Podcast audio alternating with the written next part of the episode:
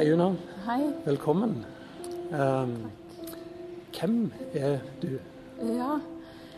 um, jeg heter Una og er født og oppvokst på Vigrestad.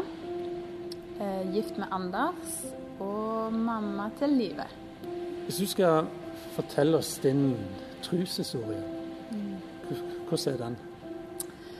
Den um, Altså, jeg eh, fikk et bevisst forhold til kristen tro når jeg gikk på ungdomsskolen. Og veien min inn til, eh, til kristen tro, den var litt sånn eh, via rasjonale, hvis jeg kan si det sånn. Altså, jeg, hvis man plukker kroppen fra hverandre og legger celler i forskjellige hauger etter kategori, med hudceller en plass og muskelceller en annen plass, og, em, og så setter de sammen igjen, så er personen vekke.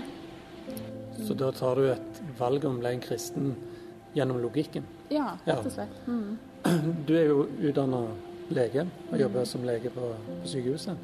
Din vei inn i trua var rasjonale, som du sa. Det var logikken som eh, overbeviste deg. Um, Hvis du skulle oppsummere trua, altså Hvordan vil du oppsummere den? Um, ja, ikke sant. Altså, det rasjonale var liksom veien inn.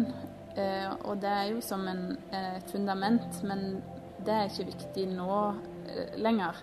Nå eh, handler jo kristendommen eh, for meg om, eh, om relasjon med Jesus og, og trygghet i bunn. em, eh, på at eh, altså Jesus har allerede gjort det som, det som han skal gjøre for å, for å både frelse oss, men òg og liksom Han er virksom i, i hverdagen vår og, og liksom er der for oss på en måte.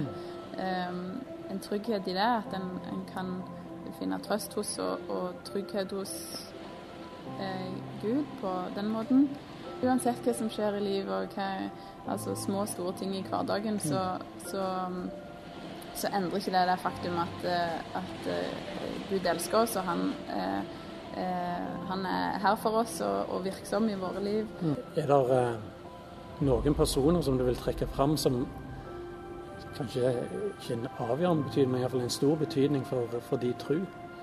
en del av, liksom helt i startfasen her, når jeg, jeg var nysgjerrig på hva kristen tro gikk ut på og sånn, så eh, eh, var jeg på en sånn eh, konfirmasjonsleir. Eh, eller en sånn, på Skjærgård setter det en festival, musikkfestival. Eh, på den tida så bodde jeg i eh, Egypt med foreldrene mine. og for å konfirmere meg kristelig så måtte jeg ha undervisningen eh, på sommeren før jeg, for jeg var ikke til stede på skoleårene jeg bodde i Egypt. Og da på den eh, festivalen så var det noen eh, konfirmasjonsledere som var med, som var bare et år og to eldre enn meg.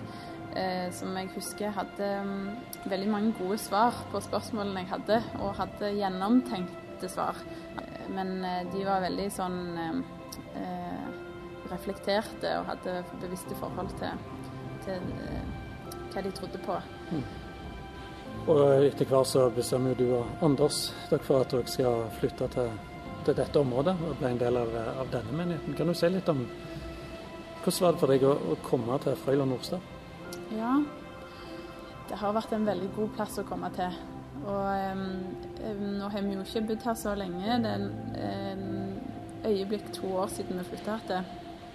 Men eh, allerede så trives vi kjempegodt. Og det aller viktigste er folka som går her. Altså Det er en utrolig fin kjerne som går her fast, og som med folk i alle aldre som, som bryr seg og engasjerte og um, ja, stoppe opp og drøse etter gudstjenestene. Og, eh, og så opplever jeg jo eh, menigheten som eh, velorganisert. Er liksom eh, trygge rammer. Det er lett å eh, engasjere seg og få, få ansvar. Og mm, jeg opplever at man eh, blir godt ivaretatt i den rollen. Altså man eh, Staben og, og de som eh, har lederansvar, eh, følger opp.